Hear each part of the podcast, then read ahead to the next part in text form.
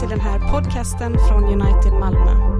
För mer information om oss besök uv.unitedmalmo.nu och följ oss på Twitter. Låt oss förbli stående medan vi lyssnar till läsningen av dagens predikotext ifrån Första Mosebok kapitel 11, verserna 1 till och med 9. Hela jorden hade ett enda språk och samma ord. Men när människorna bröt upp och drog österut fann de en lågslätt i Sinars land och bosatte sig där. De sa till varandra, kom så slår vi tegel och bränner det. Teglet använde de som sten och som murbruk använde de jordbäck. Och de sa, kom så bygger vi oss en stad och ett torn som har spetsen uppe i himlen. Låt oss göra oss ett namn så att vi inte sprids ut över hela jorden. Då steg Herren ner för att se på staden och tornet som människorna byggde. Herren sade, se, de är ett enda folk och de har ett enda språk. Detta är deras första tilltag, och härefter ska ingenting vara omöjligt för dem, vad de än beslutar sig för. Låt oss stiga ner och förbistra deras språk, så att den ene inte förstår vad den andra säger. Så spred Herren ut dem därifrån över hela jorden, och de måste upphöra att bygga på staden. Den fick namnet Babel, eftersom Herren där förbistrade hela jordens språk, och därifrån spred han ut dem över hela jorden. Detta är Guds ord till oss. Amen.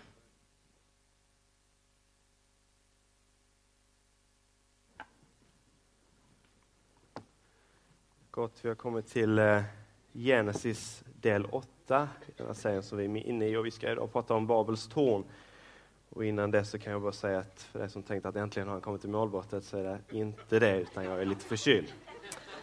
Eh, men vi har idag också kommit till den sista delen i första Mosebok, Moseboks första del.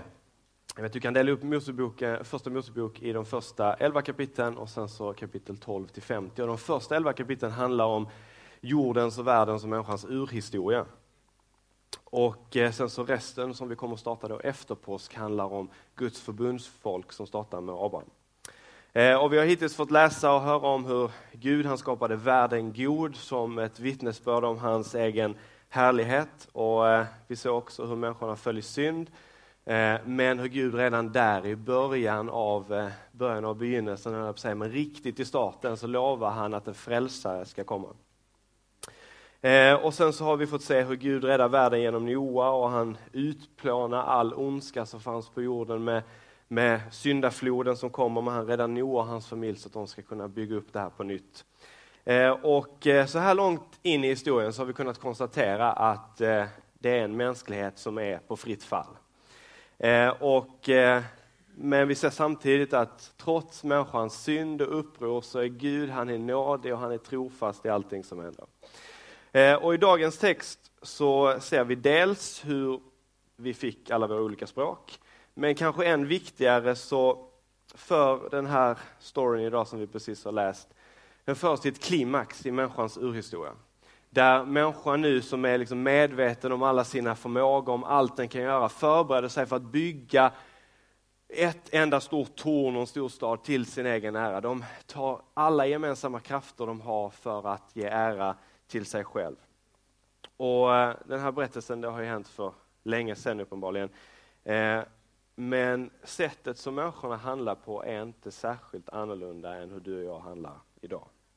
Den beskriver tidlösa karaktär som är lika sanna hos oss idag som det var för dem då.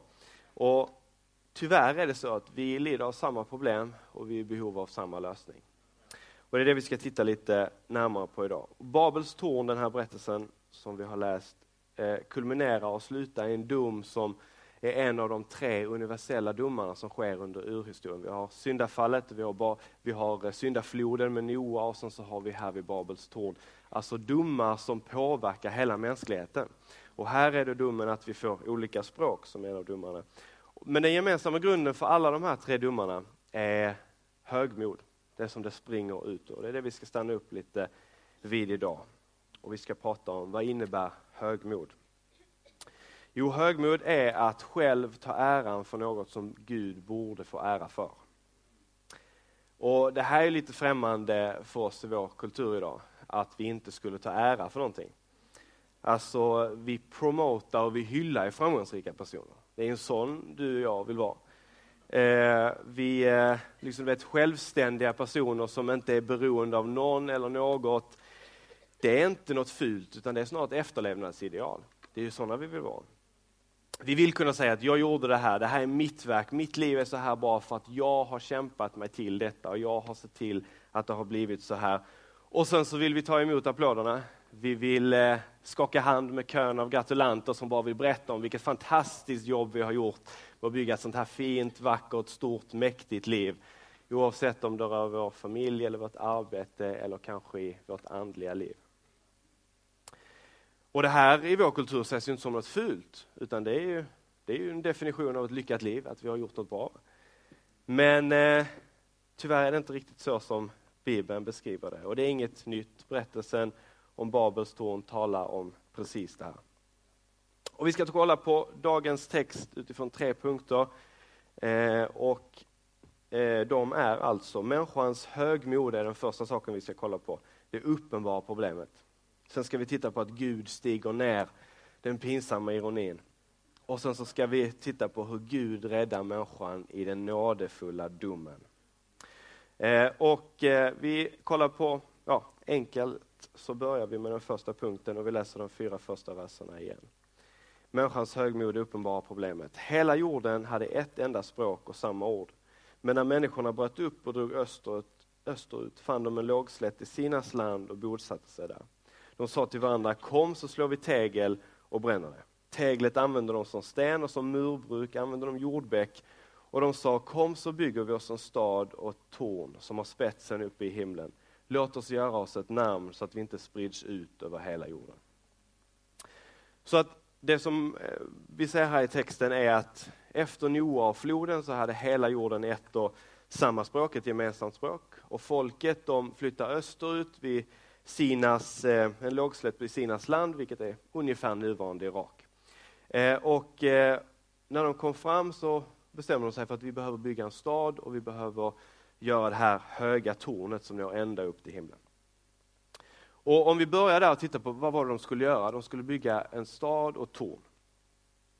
Och I den här texten så får staden och tornet stå som exempel för hur vi försöker med olika prestationer och åstadkommanden. Tornet blir liksom, eh, exemplet på våra prestationer och åstadkommanden. Och det vi kan uppmärksamma ganska så direkt så är det att själva tornet i sig är inte problemet. Alltså det är inget fel med att bygga ett högt torn i sig självt. Eh, Gud har inga problem med höga torn. Eh, och Samma sak är det med oss. Det är inget fel att ha ett framgångsrikt företag eller göra ett bra jobb eller bli en duktig chef eller medarbetare eller bygga en stark och, och eh, stabil familj eller bli en bättre människa för den delen att försöka vara ödmjuk, godhjärtad och generös. Men den stor, stora frågan är varför? Varför vill vi detta? Vad är det som gör att vi söker de här sakerna? Eller kanske andra hållet, varför inte? Vad är det som gör att vi ibland tar den säkra utvägen och inte försöker? Vad är det som driver oss? Eh, och vi ser i vers 4 så ser vi anledningen till att folket i Babel byggde. De sa, låt oss göra oss ett stort namn. Jag vet de ville bli kända och erkända bland människorna. De ville lämna ett arv efter sig. Eh, så att de inte skulle bli bortglömda. Jag vet vad skulle hända om de inte blev ihågkomna. Och de, du vet, de ville göra någonting anmärkningsvärt så att de skulle bli ärade och omtalade långt efter deras död. Eh, och här måste vi se det för att det är klart att det kommer lite frågor. Vad är det som gör att det är fel med att göra sig ett namn? Men det är där vi måste se skillnaden mellan Gud och människor. Och den kan ju vara ganska uppenbar men ibland lite trixig att se. För i Bibeln är det bara Gud som har tillåtelsen att göra sig ett stort namn. Varje gång en människa försöker göra sig ett stort namn genom hela Bibelns historia så ser Gud till, eller för den delen människan själv ibland till att ja, det blir inte så mycket av det. Hon misslyckas. Och varför är det så? Varför skulle Gud få göra sig ett stort namn men inte vi människor? Varför eh, alltså, har vi en så egoistisk Gud? Vad är det som gör att han ska sitta där och gotta sig i alla fina saker medan vi ska, ja, vi ska bara tjäna någon annan hela tiden? Men svaret är precis det att vi ser inte skillnaden mellan oss och Gud. Alltså när Gud gör ett namn för sig själv så blir resultatet vackert. Det blir till förmån för andra människor. Du vet Gud han är helig, han är rättfärdig, han är rättvis, han är god, han är barmhärtig, han är vis, han är kärleksfull. Eh, och ja, Du kanske har lite spår av det i dig, men du är inte alls på samma nivå som Gud i de sakerna. Och Resultatet av att Gud gör ett namn för sig själv är att människor blir välsignade av det. Det blir till glädje för andra. Eh, och när Gud blir ärad så får människorna frid och tillfredsställelse. Men när vi blir ärade och upphöjda, har du tänkt på det? Så skadar vi ofta oss själva efter ett litet tag. Och vi skadar relationen till andra människor. Att vi är inte skapade till att bli upphöjda och ärade. Och så tittar vi vidare. Vad motiverade folket att bygga staden och tornet? Jo, låt oss göra oss ett namn så att vi inte sprids ut över hela jorden. Du vet, folket de var motiverade att de skulle bli splittrade, att de inte skulle kunna hålla tillsammans och vara enade. Och det grundar sig i en osäkerhet. Vad skulle hända om de blev splittrade? De skulle kanske bli utan betydelse, de kanske skulle bli skadade, kanske till och med dödade om de inte höll ihop. Och kanske det värsta av allt, de skulle förmodligen inte bli ihågkomna. Det är ju någonstans det värsta, som, värsta tanken som kan hända, att vi ingen skulle komma ihåg oss. Och den här eh, osäkerheten och rädslan för obetydlighet, den grundar sig ultimat sett i en rädsla för döden. Vad kommer att hända när vi inte finns här längre? Hur kommer vi att bli ihågkomna? Vad ska folk tycka om oss och vad har våra liv haft för betydelse? Och jag menar, så är det ju för oss också i våra liv. Du vet, vi försöker få det att se fint ut. Vi bygger monument för att vi ska bli hyllade och ihågkomna. Men du vet, någonstans i nattens tystnad så tänker vi alla på precis samma sak. Det kommer en dag när vi dör. Vad händer då? Vad är poängen med allt det vi håller på med? Och vi gillar inte att prata om det, men jag läste en grej som jag tycker är så otroligt befriande, som Bert Lundahl har sagt, att allihop är vi var för sig ensamma om att fundera över sådant som alla andra funderar över. Vi sitter och tänker på det här allihopa, men var för sig. Och det är otroligt skönt att få släppa ut det och släppa garden lite grann. Men istället så gör vi ofta tvärtom. I vår iver att vara någonting. Att vara ett namn, att, att bli någon, att vara någon som människor ser upp till, som människor respekterar, så hetsar vi oss själva. Vi ligger i lite hårdare, vi kämpar lite mer, vi sträcker oss lite längre för att uppnå tillräckligt bra resultat som vi kan vara nöjda med när vi lämnar den här jorden. Eh, och det var precis samma känsla som folket i Babel hade. Konstigt att de är så lika oss. De försökte göra någonting som skulle få dem att bli ihågkomna. Men det finns några intressanta saker som är, eh, ja, som är intressanta i den här eh, berättelsen som vi har läst. Ni vet, när, de, när den här berättelsen berättas för första gången så kan vi eh, ana, vi vet inte, men vi kan ana och anta att det är Moses som kanske berättar det här för folket när de sitter någonstans i Sina öknen och de ställer frågor om hur skapades världen och hur, hur har allting blivit så här, varför eh, har vi olika språk och så vidare. Säg inte att det är så 100 procent, men vi kan ana det. Eh, och då har Mose liksom suttit och berättat för folket, slängt in lite så här ironiska grejer, du vet som du och jag gör när vi pratar med varandra. Och då lite så här ironiska hänvisningar. Så du vet, you have to be there to get it. Men jag ska försöka förklara några saker. Eh, då står det så här i vers 3 att de sa till varandra, kom så slår vi tegel och bränner det. Teglet använder de som sten och som murbruk använder de jordbäck. Eh, och för oss när vi läser det så är det bara en ointressant detalj. Eh, men inte för de här ursprungliga åhörarna som eh, hörde den här berättelsen. Du vet Mose och folket de har precis spenderat 400 år i Egypten. Vad gör man i Egypten? Någonstans liksom ja, 1800 före Kristus. Liksom. Ja, man bygger pyramider. Eh, och vad har de hållit på med? Jag menar, Mose och folket de är liksom experter på hur du ska bygga stora höga monument som liksom ska bli till ära för de här alla härskarna i gamla Egypten och hur man ska få det att hålla på bästa sätt. Och du vet varenda vettig pyramidbyggare på den tiden visste att ska du bygga en pyramid kan du inte slå tegel, du måste ha sten. Eh, så att när han säger detta så kan du liksom höra i lägret hur det går ett fniss genom publiken. Tänker, ja vilka idioter. Va? Eh, de bygger med tegel när de ska bygga med sten. Och det är det som är hans uppenbara poäng här, att folket i Babylon de försökte bygga någonting som skulle vara för evigt med ett dåligt material vars hållbarhet var högst tillfälligt. Eh, och du skriker ja, men det här är en bild på hur vi försöker i våra liv. Vi tänker att vi ska göra oss ett namn, va? Vi vill vara någon, vi vill bli ihågkomna, vi vill bli hyllade, vi vill skapa någonting så att människor ser upp till oss. Men precis som folket i Babel så gör vi det pinsamma misstaget att vi använder oss av material och tillvägagångssätt som redan från början är dömda att misslyckas med det vi önskar att de ska åstadkomma till oss. Sen ser vi vidare att eh, i de här första fyra verserna i dagens text så kan vi också titta ibland, vet, man läser en text men ibland är det också intressant att se vad som inte sägs, så kallat tystnadens argument.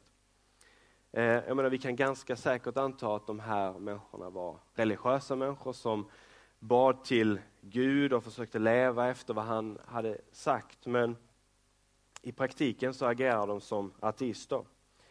I de här första fyra, fyra verserna som beskriver liksom vad människan gör och, och så, så, så står det ingenting om vad Gud hade sagt eller vad Gud ville. Eller, ja, Gud nämns överhuvudtaget inte.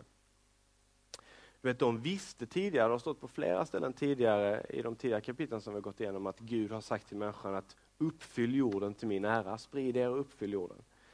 Um, men folket litade inte riktigt på Guds ord. För att de var rädda att, för att de, om de skulle göra som Gud hade sagt så skulle de bli splittrade och utsatta. Och visst är det lite så för oss också. Jag känner mig själv och tror mycket det. Jag tror på Gud, jag läser trosbekännelsen. Jag läser Fader vår, jag läser syndabekännelsen. Med stor glädje höll jag på att säga, men med liksom stort allvar inför vad det är. Och jag, men sen så går jag ut för de här dörrarna söndag lunch. Och så agerar jag inte sällan som en renodlad ateist. Du vet, det räcker med att jag hälsar på dig där ute så tänker jag att då går jag rakt in, in i mitt personliga varumärkestänkande. Tänker att nej, du måste säga någonting bra. Nu måste jag göra någonting så att du ska tycka om mig, gilla mig, så att jag kan bygga, liksom lägga ytterligare en tegelsten på mitt, mitt torn. Eh, precis som att detta livet vore allt. Som om den enda glädje och lycka jag kan finna är det som jag själv åstadkommer genom mina prestationer i det här livet. Trots att jag vet vad Gud har lovat i sitt ord, så litar jag inte på det. Och så agerar vi så ofta att vi lämnar Guds löfte utanför vårt beslut. Hans löfte om att Jesus en dag ska komma tillbaka. Hans löfte om att genom Kristus så har vi evigt liv. Hans löfte att om vi lägger våra liv helt och hållet i hans händer så kommer han se till att vi har allt vad vi behöver. Men istället så ser vi bara till oss själva och vi känner oss tvingade att bygga oss ett namn för att bli någon, att vara någon, att vara respekterad.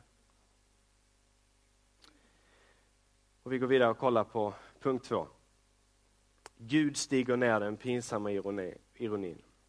Vers 5. Då stiger Herren ner för att se på staden och tornet som människorna byggde. Och man kan säga att Mose fortsätter vandra lite på ironins krigsstig när han berättar detta. Fokus här ligger inte så mycket egentligen på människans synd utan snarare på att visa på hur korkat och dåraktigt det är, det som människorna håller på med. Men att Gud skulle, självklart säga det här en bild på att försöka beskriva liksom Gud i mänskliga termer, men att Gud skulle stiga ner från himlen, alltså det var ingen annorlunda Gud då än vad det är idag. Han är allestädes närvarande, han vet allting som kommer att hända redan innan det har hänt. Eh, och liksom Poängen här är tydligt ironisk. Att Gud, vi kan liksom säga, Gud sitter i himlen. Han tittar ner på människorna som kämpar och sliter. De gör allt vad de kan för att bygga det här stora mäktiga tornet. Och så sitter han och så kollar han ner. Och så ser han inte vad det är. Utan vet du, kan höra hur det går till, liksom att han ropar till Gabriel, änglarna kom över här. Kan ni se, vad är det de gör där nere? Och vet han Gabriel, han säger, ja du börjar bli gammal, du ser inte. Och så, så går han ner och, och, och försöker titta, nej jag kan, jag kan, inte se vad det är. Vad kan det vara? Nej, det var, det kan, jag, jag kan inte se vad det är. Och så säger Gud, nej vi får gå ner och kolla. Eh, och du vet människorna har tagit ifrån tårna. Alltså de verkligen kämpar och sliter. De bränner tegel i högsta hastighet. De gör allt de kan för att bygga ett monument som ska utmärka dem bland alla människor. Alla ska se vem de är. Och så kan inte ens Gud se det från himlen. Och du vet, vår största bedrift är inte stor nog för att Gud ska kunna se det från himlen. Vet, vi vill göra oss ett stort namn. Nu vet, vi är alla skyldiga till högmod. Antingen genom att vi försöker åstadkomma vissa saker eller genom att vi inte vågar oss på somliga saker för att på det sättet undvika att misslyckas så vi inte ska förlora vårt rykte. Vet, vi vill vara bra och goda medmänniskor. Du vill gärna, eller du, jag vill eh, gärna bjuda hem på fina middagar och, så att andra kan se hur fint vi har det hemma och vilken god mat vi kan laga. Och, vet hur trevliga vi är. Eh, och vilken, liksom, vilken stämning vi kan skapa. Va? Du vet, det känns så bra när man stänger igen dörren efter en kväll och bara, mm, det var en bra kväll. Eh, och man känner att, nej men jag är några. Alltså jag kan skapa bra stämning. Nu är inte jag känd för det, men, så det får gärna skratta men, men eh, så tänker jag. Du vet, vi vill vara bra makar, vi vill eh, göra det där lilla extra. Vi vill då och då bjuda ut på fina middagar, visa uppskattning, ta disken och plocka undan efter sig. Och, nu säger jag inte att du ska sluta med det. Men du vet, i de här sakerna så avslöjas våra motiv. Du vet, vi vill känna att vi är människor som har saker och ting på plats. Vi vill prestera bra på jobbet, lämna in saker i tid. Du vet, eh, göra ett bra jobb. Du vet, det känns ju bra när chefen uppmuntrar en. Och, och du vet när kollegorna frågar, hur hinner du med allt du gör? Ja, kan man undra. Och sen så, för att vi vill se bra ut i andra människors ögon. Du vet, du vill kunna berätta om vilken utbildning du har gått på, vilket bra jobb du har, vilket lyckligt, lyckligt äktenskap vi har, hur mycket jag tränar. Eller på andra hållet, vi kanske lever i försvar. Vi berättar inte, eller vi tar inte den här utbildningen för att vi är rädda för att vi inte skulle klara av det. Och det skulle ju verkligen sänka vårt rykte. Och vi berättar kanske inte om hur det är på jobbet just nu för vi vill slippa att berätta att nej, det, det ser inte så bra ut. Det vill jag inte att någon ska veta. Allting för att skydda det där namnet som vi håller på att bygga oss. Du vet, vi faller i högmod hur vi än gör. Vi tänker att vi inte ska vara högmodiga och stolta. Har du tänkt det någon gång? Att nu ska jag bli riktigt ödmjuk. Eh, och, sen så, och då undviker du att säga någonting om hur bra det går och så tänker du, mm, bra, nu ser de i alla fall mig, mig som en ödmjuk person. Och så faller vi igen. Va? Eller till exempel om det är torsdagsmässa, om man, man jobbar i kyrkan och man har legat hemma sjuk under dagen. Och man funderar på om man ska gå dit eller inte. Och tänker man, jag kanske borde gå dit och visa upp mig. Så att eh, folk säger att det är viktigt, vet, missar du en mässa, missar du en massa. Det kanske man skulle berätta liksom hur det är. Och så, eh, nej, men så tänker jag, nej men jag stannar hemma. Så ligger jag hemma i sängen och så tänker jag, ja, nej, men jag är en sån som tar hand om mig själv. Och så tänker vi att det är ju bättre att människor ser mig en person, som en person liksom, som inte bara åker dit för att visa upp mig. Och så faller jag dit igen, det kvittar hur jag gör. Men våra motiv i allting som vi gör är skeva. Du vet, vi gör en god sak men vi har en egoistisk avsikt. Och det mest patetiska av allt faktiskt, är att när Gud tittar ner och försöker se vad det är vi håller på med, så kan han inte ens se vad det är. Det är så litet och ynkligt att det inte ens märks. Och du vet, här behöver du och jag påminna oss om löftet i evangelium. Genom tron på Jesu död och uppståndelse så ligger inte vår trygghet i det här livet i vad vi själva har åstadkommit eller inte åstadkommit. Vet, vi är fria att inte behöva göra oss ett namn. Vi är fria att inte längre behöva bevisa oss själva. Vi är fria att inte behöva vara någon. Du vet, vi har inte, alltså, vad vi har gjort är inte längre detsamma som de vi är. Du är inte dina åstadkommanden. Utan nu har vi en ny identitet. Du är Guds son, du är Guds dotter. Och det, är där vi, det är det vi får förlita oss på oavsett vad du har gjort eller inte gjort, hur det har gått eller inte gått. Vet, Jesu verk för oss ger oss en trygghet att vi inte längre behöver göra oss ett namn för oss själva. Jesus har gjort sig ett namn och det får vi ta del av. Låt mig läsa ett citat som understryker det här på ett fantastiskt sätt. Jesus kom för att befria oss från pressen av att behöva klara det på egen hand. Från pressen att räcka till. Han kom för att befria vanliga människor från bördan att få rätt på allt, från skyldigheten att fixa oss själva, hitta oss själva och befria oss själva. Jesus kom för att befria oss från vårt slaviska behov av att vara rätt, bli belönade, betraktade och respekterade. Eftersom Jesus kom för att sätta fångarna fria så behöver inte livet vara en oändlig ansträngning för att bevisa oss själva, rättfärdiggöra oss själva eller bli bekräftade inför Gud eller varandra. Evangeliet om Kristus säger att på grund av att Jesus var stark för dig är du fri att vara svag. Eftersom Jesus vann för dig är du fri att förlora. Eftersom Jesus var en somebody är du fri att vara en nobody. vet, det kristna livet utgår inte ifrån pressen att behöva bevisa sig utan ifrån att vilan att Jesus redan har bevisat sig i mitt ställe. Och allting som vi gör, alla de här tornen som kan byggas för ett gott syfte, de kan vi istället göra och växa utifrån den vilan. Det är goda nyheter. Och vi ska gå in på sista punkten, hur Gud räddar människorna i den nådefulla domen. Och Herren sa, se de är ett enda folk och de har ett enda språk. Detta är deras första tilltag.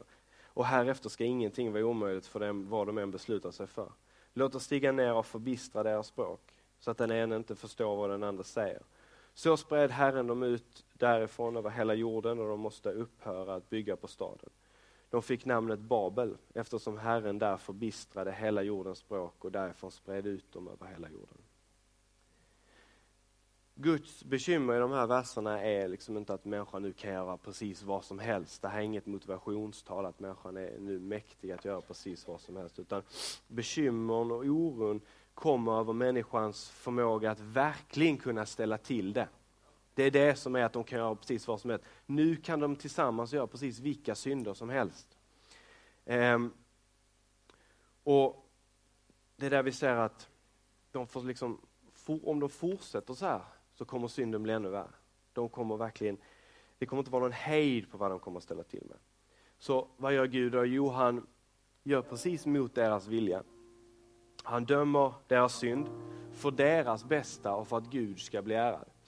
För att det är ju så att hade de fortsatt så här så hade de ju verkligen, de hade ställt till det så mycket så att vi vet inte hur det hade gått. Men Gud ser, han ger dem en dom i nåd. Alltså han dömer synden, ser till att de förbistrar språket men i nåd för deras e-, eget bästa och för hans ära. Och det är det som är den nådefulla domen. Och vet, lösningen på vårt problem med högmod finns liksom inbyggt i strukturen i, i dagens eh, nio verser som vi har läst. De första fyra verserna handlar om, om eh, människornas högmodiga planer att göra sig ett namn. Sen så har du de sista fyra verserna som vi precis läste här, som handlar om hur Gud räddar människan genom att förvirra dem i det de håller på med. Alltså de skapar språkförbistring, de kan inte kommunicera längre. Ehm, och sen så ser du vändpunkten någonstans i vers 5. Då står det att Gud stiger ner. När Gud stiger ner, det är då saker förändras. Eh, om någonting ska ske med vårt problem med högmod så måste Gud stiga ner. vet, vi kommer inte göra någonting åt det på egen hand. Tyvärr, hur mycket vi än kämpar så kommer vi inte lyckas. Utan Gud måste komma ner, han måste döma synden för vårt eget bästa så att vi återigen ska vända tillbaka till honom. Och likadant så gör han i våra liv idag.